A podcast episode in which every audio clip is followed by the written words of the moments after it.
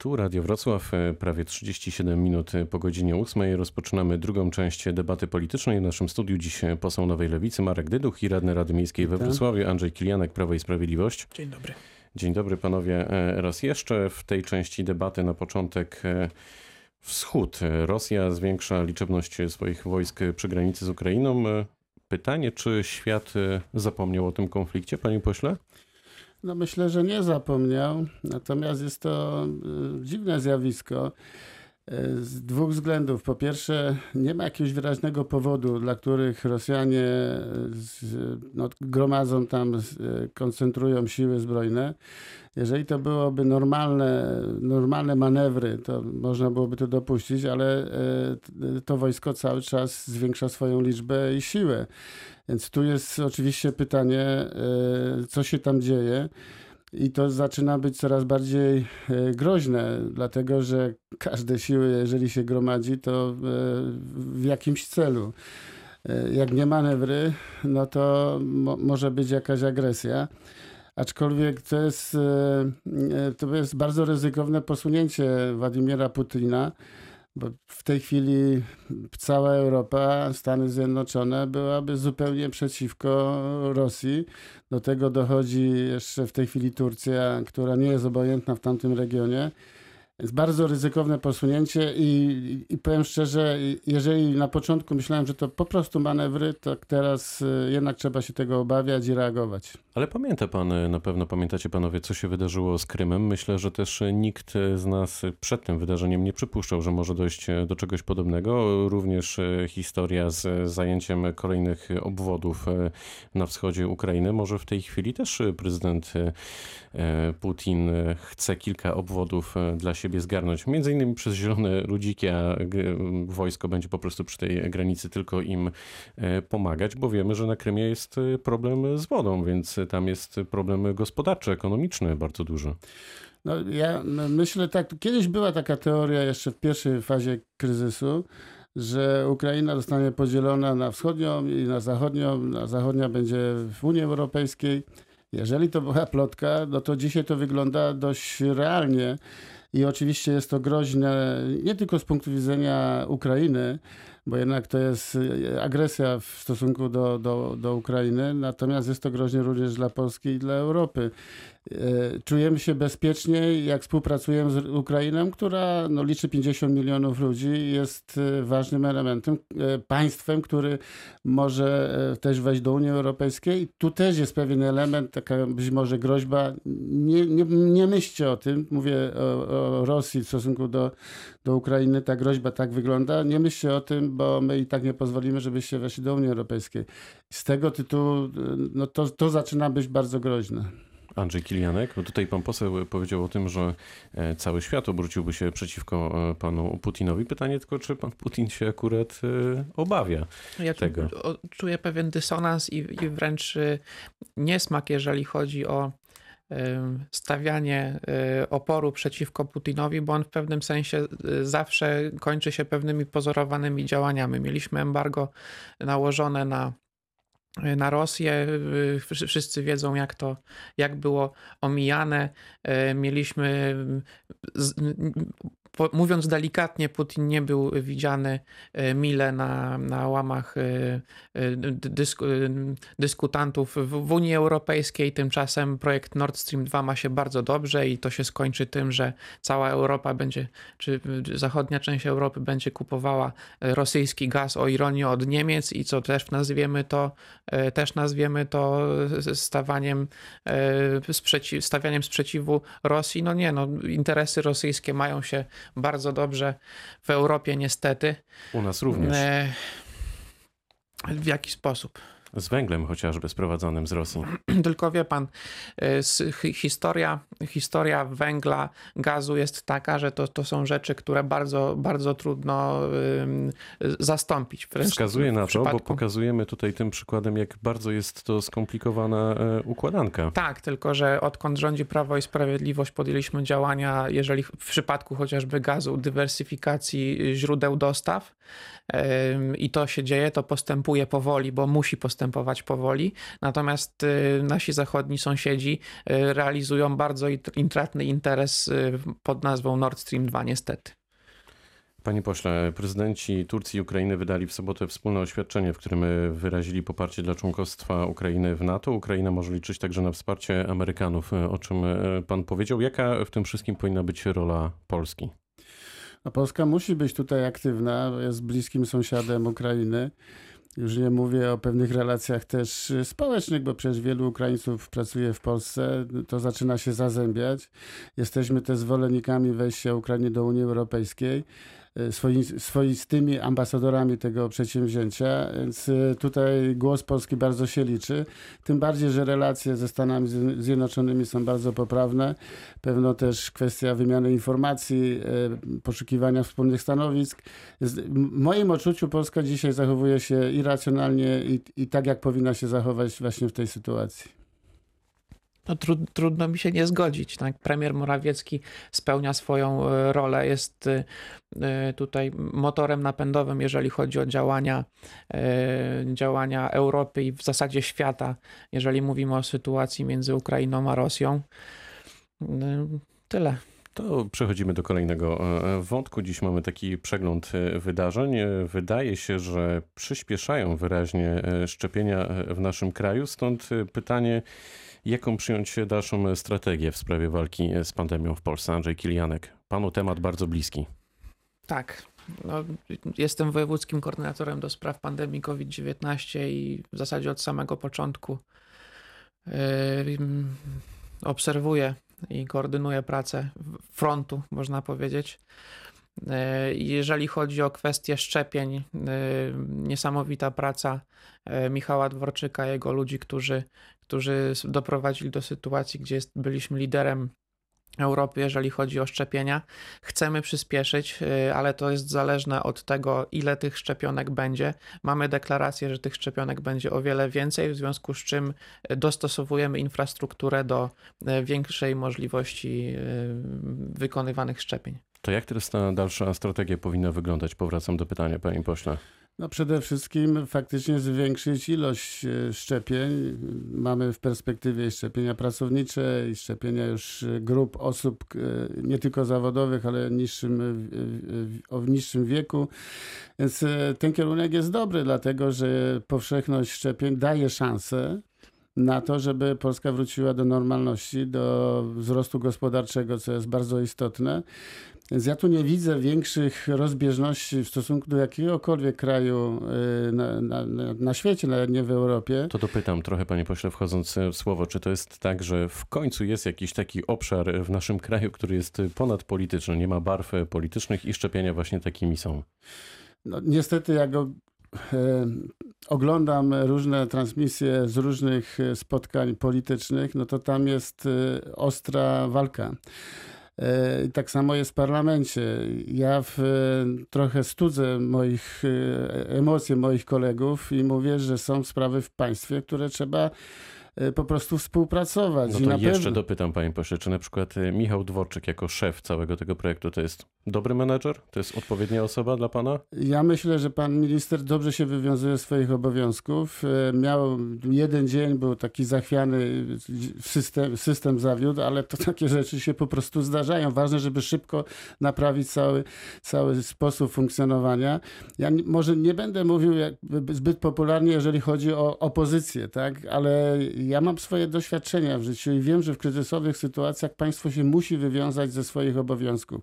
I, i mógłbym mieć parę uwag do tego, jak to jest robione, ale generalnie nie mogę zarzucić, że ta, ten system nie działa. Wręcz przeciwnie, my faktycznie jesteśmy w paru sprawach, e, może nie liderami, ale na pewno w czołówce, jeżeli chodzi o e, właśnie ilość szczepień, o jakość wykonania tego, tego zadania, jak i jeżeli chodzi o sprawy gospodarcze.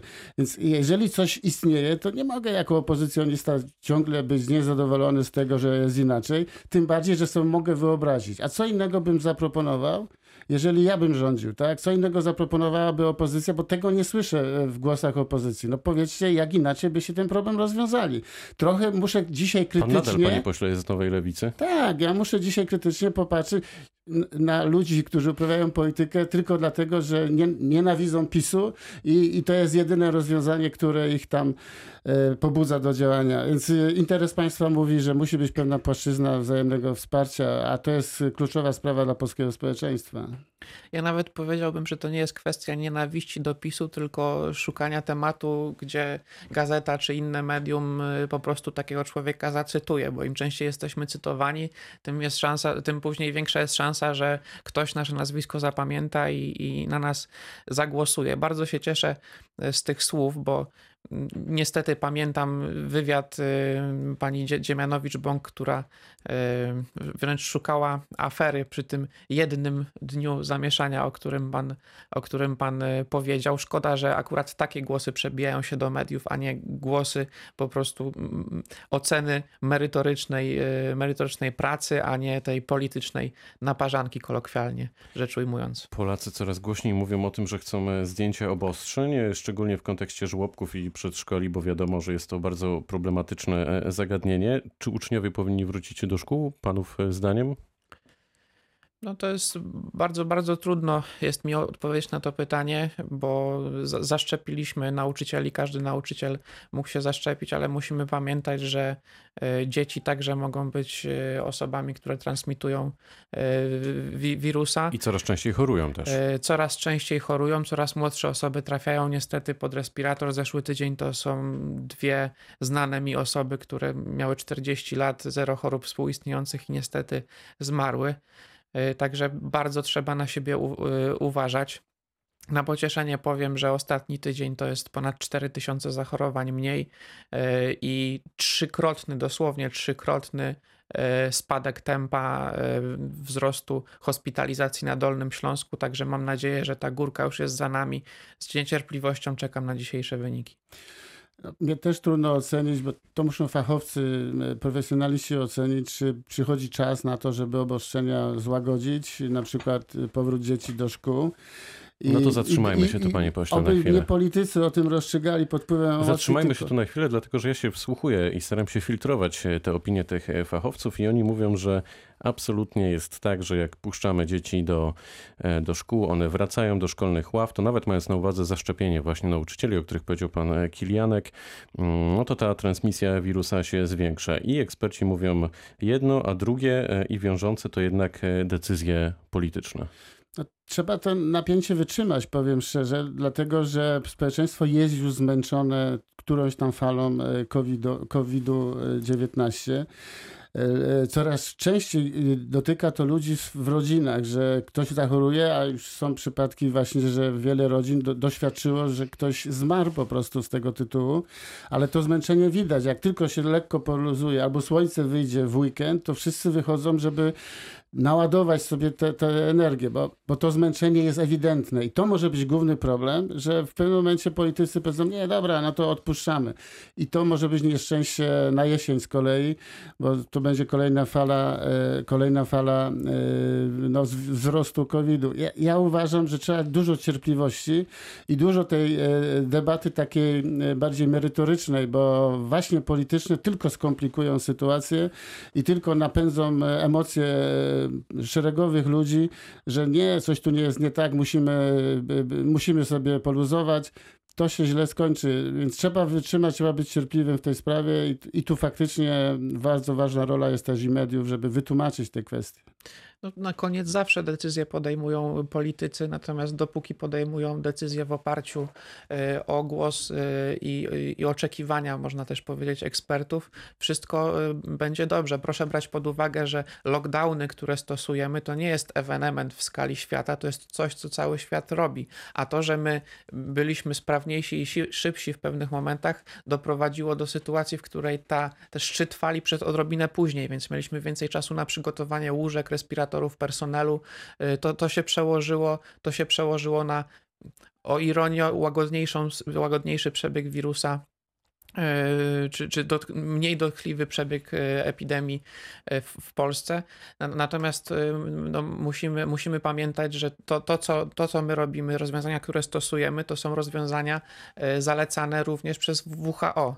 My żadnej tutaj nowej teorii walki z pandemią nie tworzymy, działamy w oparciu o sprawdzone metody. Choć liczba e, zgonów e, w naszym kraju naprawdę e, robi wrażenie i też miejmy nadzieję, że to się jak najszybciej skończy. Na koniec, absolutny koniec naszego spotkania, pytanie o Krajowy Plan Odbudowy. Jakiego rozstrzygnięcia się tutaj panowie spodziewacie? Czy Zjednoczona Prawica przetrwa głosowanie w tej sprawie? Marek Dyduch. No, tutaj znowu mam takie zdanie, że oczywiście lewica powinna zagłosować za ratyfikacją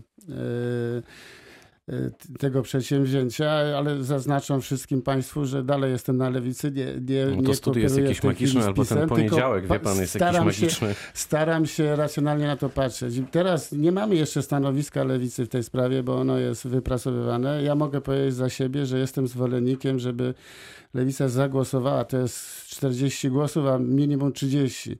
E, razem się zdecydowało, że będzie głosować. Większość parlamentarzystów z SLD e, na dzisiaj się zdecydowała, że będzie głosować. Ja mogę powiedzieć za siebie, że zagłosuję za tą ratyfikacją, dlatego że pozbywanie się tak ogromnych środków e, w sytuacji niepewnej, przyszłej, gdzie nie wiadomo, jak będzie funkcjonować gospodarka, czy nie będzie jakiegoś innego szczepu COVID-u, który skomplikuje nam sytuację, no, no nie jest dobrym zjawiskiem. Uważam, że trzeba to, te, te pieniądze pozyskać dla Polski, a później jest moralne prawo, żeby się ubiegać o to, żeby te środki były sprawiedliwie podzielone, czyli żeby kryteria były jednakowe dla wszystkich. Jeżeli ktoś je spełnia, to otrzymuje pomoc bądź jakieś kierunkowe rozwiązania.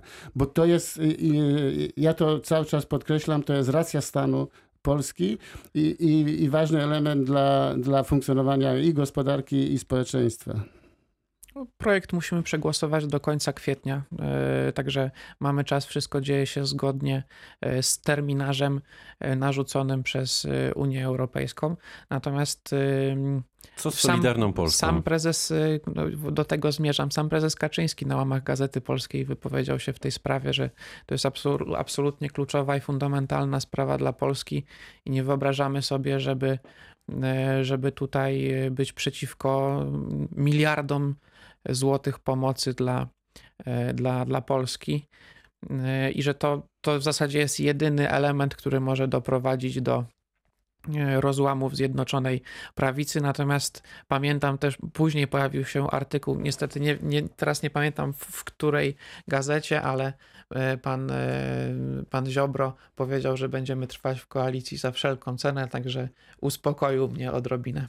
Czyli nie bierzecie panowie pod uwagę takiego scenariusza, że tego dokumentu nie da się, nie uda się przegłosować? Ja myślę, że się uda, jeżeli racjonalnie na to spojrzymy, jeżeli opozycja też podejdzie racjonalnie do tematu i e, nie rzuci na szale miliardów złotych pomocy z Unii Europejskiej tylko po to, żeby, e, żeby dopiec e, obecnemu rządowi, no to, to taki projekt zostanie przegłosowany. Pytanie, czy zostanie przegłosowany razem z, z naszymi kolegami z koalicji, czy, czy będą dalej testowali cierpliwość Prawa i Sprawiedliwości?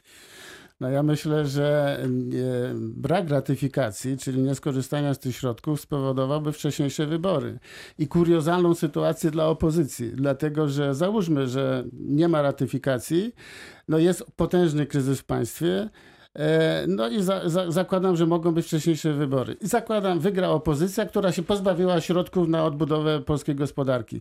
No jeżeli ktoś tak podchodzi do, do rzeczywistości, no to po, po, potężny błąd. E, I dlatego wydaje mi się, że, że ta większość będzie i że będzie racjonalne rozwiązanie z korzyścią dla Polski, bo, bo tych słów trzeba tu używać. To jest z korzyścią dla Polski i dla polskiej gospodarki i społeczeństwa. Jeszcze raz to powtórzę. No to niech to będzie puenta e, naszego spotkania. To był przegląd całego tygodnia i trochę popatrzyliśmy w przód. Poseł Nowej Lewicy Marek Dyduch i radny Rady Miejskiej we Wrocławiu Andrzej Klijanek, Prawo i Sprawiedliwość byli dziś naszymi gośćmi. Dziękuję. Zostańcie Państwo dalej z Radiem Wrocław. Kłaniamy się z Mariuszem Huszno, Dariusz Wieczorkowski. Dobrego dnia.